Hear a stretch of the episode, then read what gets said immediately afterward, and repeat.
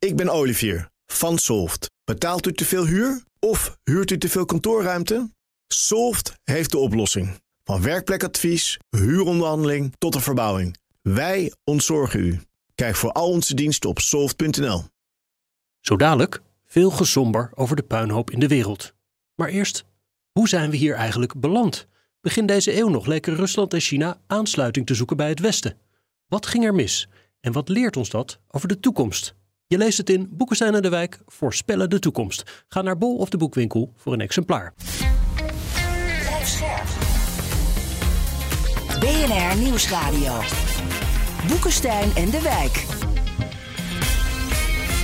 Hugo Reitsma. Welkom bij Boekenstein en de Wijk. Het is dinsdag, dag 699 van de oorlog in Oekraïne. En we hebben weer een hoop van jullie vragen. Ik kan ze niet eens allemaal meenemen, maar de volgende die komen dan nog wel. Ik begin bij Martin Lindner. Die vraagt, er wordt vaak gesproken over het mogelijk opblazen van de NAVO nadat Trump weer verkozen zou zijn. Nou, hebben we het afgelopen zaterdag nog over gehad. Maar hij zegt, de politieke body van de NAVO biedt toch een tegenwicht tegen de opkomende machten. Nog meer na toetreding van... Uh, Noorwegen en Zweden, zegt hij. Hij bedoelt dan denk ik Zweden en Finland. Welke motivatie zou Trump hebben om dit feit te negeren en het Westen te verdelen? Snijdt hij zich dan niet in zijn eigen vingers? Nou, even, even goed bepalen wat de NAVO is. Dus de NAVO is een bondgenootschap voor collectieve verdediging van Europa. Die werking is uh, geografisch nauwkeurig afgebakend. Amerika is de leider van uh, de NAVO. En dat betekent uh, dat uh, zo'n land militair gezien cruciaal is voor het, voor het uitvoeren van de verdediging van, van mhm. Europa. Mm -hmm. dat, is, dat, dat, is, dat is de basis.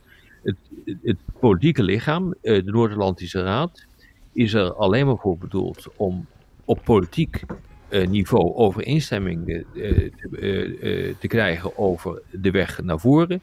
En als het militair wordt, dan moeten de militairen het uitvoeren. Hm. Dus het is niet zo dat de NAVO een geopolitiek instrument is om, laten we zeggen, China van je lijf te houden. Hm. Dan moet je, als je het gaat echt over de, uh, de geopolitieke implicaties en het instrument wat je dan moet uh, gaan inzetten, dan moet je kijken naar de Europese Unie. Maar die is daar niet heel goed geschikt voor, moet ik constateren. Ja. En het, de, de, de, Unie is uh, heel geschikt om concessies bij landen af te dwingen die een relatie willen aangaan met de interne markt van de Europese Unie, maar is niet geschikt in wat we noemen coercion of dwangdiplomatie. Dus het onder druk zetten van andere landen. Dat kunnen ze niet goed. Vandaar dus dat de Europese Unie ook gewoon geen rol speelt van betekenis in het Midden-Oosten. Nou, weet je, Trump die, heeft helemaal niks met Oekraïne. Echt helemaal niks. Nee. En hij heeft ook iemand die dus een merkwaardig mild standpunt over Poetin uh, inneemt. Met mhm. andere woorden, hij is gewoon kennelijk echt bereid om Oekraïne op te geven. En daarmee is dus een belangrijke NAVO-taak is dan vervallen. Hij heeft wel wat met China. En Rob legt uh, keurig uit dat China natuurlijk geen NAVO... Uh, ding is. Dus met andere woorden, hij kan gewoon NAVO uh, eruit stappen, want hij gaat dan zijn aandacht richten op China. Ja, hij hoeft niet eens de NAVO uit te stappen hoor. Hij kan gewoon zeggen als opbevelhebber van uh, de Amerikaanse troepen van, nou ik zet, de troepen, ik zet die troepen gewoon niet in, punt. Dus hij hoeft de NAVO niet op te blazen. Alleen het feit dat hij opbevelhebber is, betekent al dat de, hij kan de NAVO gewoon kapot maken. Dus je hoeft hem niet eens op te, op te mhm. heffen. Ik denk dat dat wel even heel belangrijk is om dat in het achterhoofd te houden. Ja. Maar zou je, als je het misschien iets breder formuleert, niet kunnen zeggen dat het bondgenootschap van Amerika met Europa ook politiek waardevol is voor Amerika? Nog even los van het feit dat Europa qua defensie een beetje een klaploper is. Ja, als je een normale president hebt, wel. Maar als je een abnormale president hebt, en we mogen constateren dat uh, Trump dat was en zal zijn, dan niet. Dan geldt het hm. niet. Uh, uh, je moet dus wel een president hebben die bereid is om zich aan de regels van de internationale betrekkingen en bondgenootschappen te houden. Gebeurt dat niet, ja, dan houdt het gewoon op. Ja. ja. Goed, ja, dus nee, precies. Nou, jammer dan. Um, ik denk dat hier wel een beetje uh, bij aansluitend is de vraag van Cleus, die dankt jullie allereerst voor de realistische kijk op de geopolitiek en de belangen van Europa erin, die zo ontbreekt uh, op vooral sociale media, waar haar generatie vaak zijn informatie vandaan haalt. En vraagt waarom wij de SCO en de BRICS buiten onze analyses, jullie analyses laten. Vooral de Shanghai Cooperation Organization, uh, zegt zij, is toch een spin in het web van waar de podcasts sinds oktober over gaan. Of vergis ik me? In elk geval zou ik graag meer te weten komen over die mm. organisatie en hun aanpak momenteel. Nou ja, we, we, hebben het er heel veel over gehad. Hè? Ja, over de BRICS uh, wel, ja. ja over, maar, maar, ook wel, maar ook wel over de Shanghai Corporation Act. Hè? Kijk, in beide gevallen is het, als je nou eventjes je beperkt tot de Gazastrook. In de Gazastrook wordt dus de, de, wat daar Israël daar doet en wat het Westen daar steunt, stilzwijgend. Dat wordt door de Shanghai Corporation Act met grote afschuw. Organization. Uh, uh, organization, ja. Wordt dat met grote afschuw gezien. Hè? Dus dat is, een, dat is een beetje een rode uh, ja, patroon in onze podcast. Dat vinden ze echt niks. En dat vinden de BRICS ook helemaal niks. Hm. En het is wel zo dat er dus tussen India en China is ook rivaliteit. En dat maakt dus bijvoorbeeld de BRICS-landen lastig om daar goed, uh, goed een lijn te trekken. Hm. Nou ja, je moet even gewoon ook weer goed kijken wat dus de bedoeling is van deze organisaties. Ze zijn allebei zijn ze redelijk anti-westers. Het is veel meer, zijn veel meer organisaties om de anti-westerse sentimenten te mobiliseren. Uh, dat lukt heel aardig in uh, de BRICS. Maar wat Aart-Jan ook zegt, India is een, een spelbreker.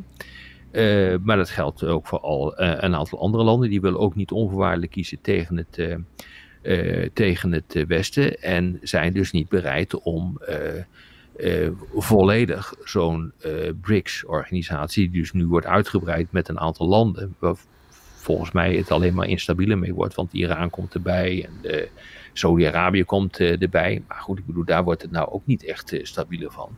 Uh, en dat zal betekenen dat een aantal andere landen juist de, rug, de BRICS de rug gaan toekeren. De BRICS is op dit ogenblik geen geopolitiek speler. Dat moet je, denk ik, je goed realiseren. Dus anti-westers niet eens bondgenootschap, maar een organisatie dat probeert te mobiliseren. Shanghai, Corpor Shanghai Cooperation Organisatie is er eigenlijk ook zo een. Dat is ook een behoorlijk anti-westers. Uh, die, uh, China en Rusland die spelen daar een uh, hoofdrol in. maar ook daarvan moet je constateren dat in die zin het niet ongelooflijk effectief zijn. Dus beide organisaties hebben onze warme belangstelling. We kijken er goed naar.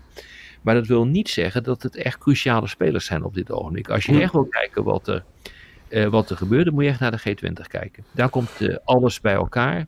En dat is echt interessant wat daar gebeurt. Dat begint zich uh, in hoog tempo uh, te ontwikkelen tot een uh, geopolitiek forum, die eigenlijk ook een aantal discussies over gaat nemen die je niet meer in de VN-veiligheidsraad kunt uh, gaan voeren. Ja. Dat is wat we op dit ogenblik zien. Dus als je echt wil kijken wat er aan de hand is, moet je gewoon goed kijken naar wat er in G20 wel. En, en, dan is de G20 is niet zo exclusief westers als de G7. Dat is een grotere, ja. bredere nee, En je moet ook uh, heel goed kijken naar wat er gebeurt uh, in de groep van niet gebonden landen. En daar probeert, dat is echt een grote groep. Je hebt een groep van 77 die inmiddels veel groter is.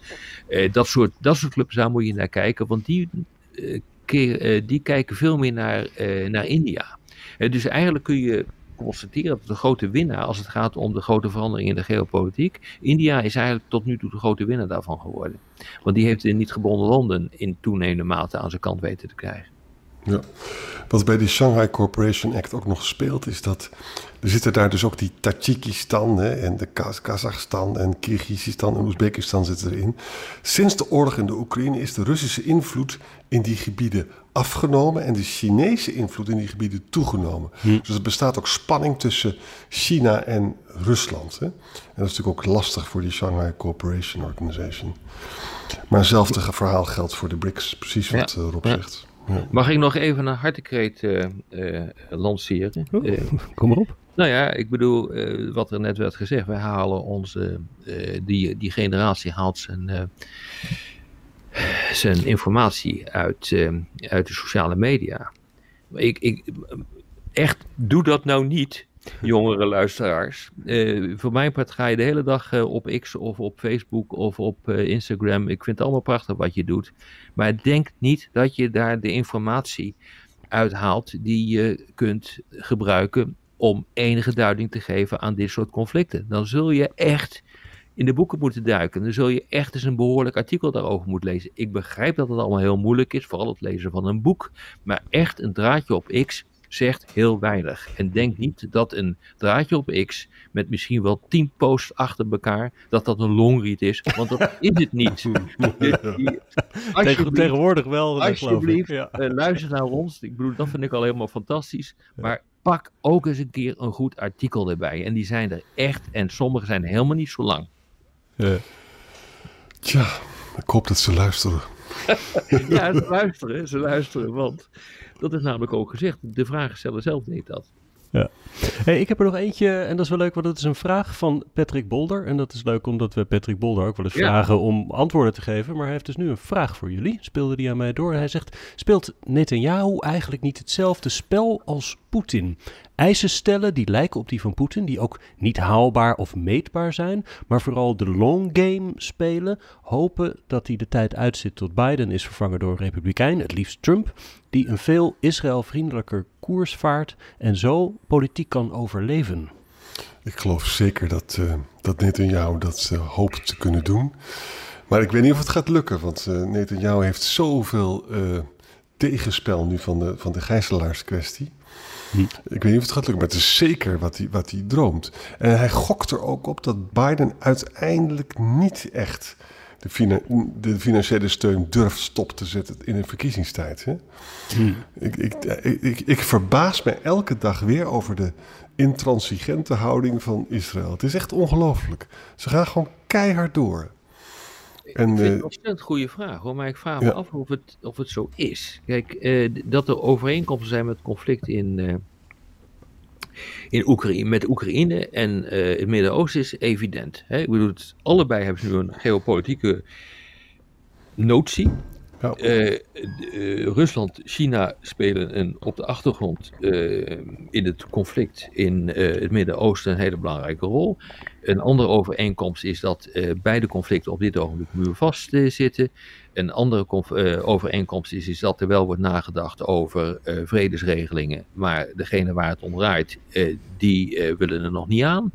dus er zijn heel veel overeenkomsten. Maar wat gebeurt er nou als Trump aan de macht komt? Nou, eh, die heeft eh, met betrekking tot Oekraïne al gezegd van eh, binnen 24 uur los ik dat op. Dat is natuurlijk gewoon echt lulkoek in het kwadraat, want dat kan die helemaal niet. hij zal dat ongeveer ongetwijfeld ook zeggen. Volgens mij heeft hij zoiets al gezegd over het Midden-Oosten. Dat los ik ook binnen 24 uur op. Maar dat is natuurlijk gewoon niet zo.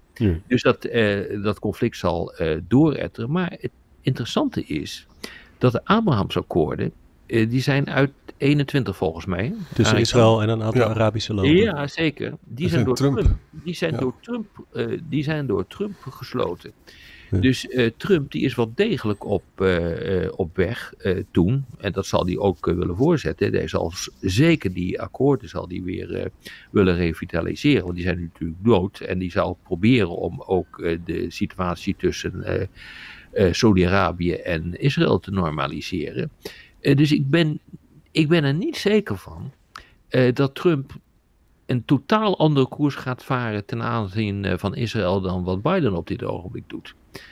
Wil hij zijn werk afmaken, dan zal de vrede moeten komen tussen Hamas en, uh, en Israël. Anders kan hij zijn werk niet afmaken. Dan heeft hij dat ook verloren. Dus ik, ik weet het niet hoor. Maar in die Abraham-akkoorden waren de Palestijnen toch ook de Sjaak? Want die hadden helemaal geen plek. Volgens mij vindt Netanyahu dat ook prima. Vrede met Saudi-Arabië en de Palestijnen, nou, weet ik veel, deporteren. Ja, maar ik denk dat, ik denk dat de, de landen waar het nu om gaat, en zeker de bevolking in die landen, in de omringende landen, die, die willen niet dat de, uh, hoe noemen we dat, de Palestijnen de Sjaak worden. Uh, en die hechten er enorm aan omdat uh, om dat probleem op te lossen. Hmm. kan je niet, die, die, die situatie is anders dan, tijdens van, uh, dan tijden van de, ten tijde van de Abraham-akkoorden. Weet je, je zou dit kunnen zeggen van de Arabische dictatoren, die geven niet zoveel om de Palestijnen, maar de bevolking in die landen, die begeven daar wel heel erg. En zeker na die grootschalige operaties in de Gazastrook. Ja. En met andere woorden, het wordt dus nu het wordt voor Trump ook onmogelijk uh, om, om een twee-staten-oplossing tegen te houden. Omdat dat, die eis van Saoedi-Arabië wordt nu heel hard weer. Hè? Ze waren bereid om hun ogen te sluiten, maar door wat er allemaal gebeurd is, wordt het allemaal veel lastiger. Nou, het is dus een hele goede vraag. En hij geldt zeker wel voor uh, Poetin. Die zal die tijd uh, zeker proberen uit te zitten. Maar voor Netanyahu, ik, ik weet het niet. Ik weet het echt niet of, uh, of dat gaat lukken. Afgezien nog van, de feit, van het feit of hem die tijd gegeven is. Mm -hmm. En afgezien van het feit dat als Biden wil worden herkozen, dan is één van de punten die hij moet regelen, is, een, is stabiliteit in het, in het Midden-Oosten. Hij zal dit conflict moeten oplossen voordat de verkiezingen plaatsvinden. Ja. Nou, ga daar maar eens aan staan. Ja, dat, ja? dat is ook bijna onmogelijk. Ja. ja. Hm. Hey, de volgende vragen bewaar ik even voor een volgende keer. Doe maar. Ja. Voor nu bedankt. Ja, tot, uh, tot morgen. Ik ben Olivier van Solft. Betaalt u te veel huur of huurt u te veel kantoorruimte? Solft heeft de oplossing. Van werkplekadvies, huuronderhandeling tot de verbouwing. Wij ontzorgen u. Kijk voor al onze diensten op soft.nl.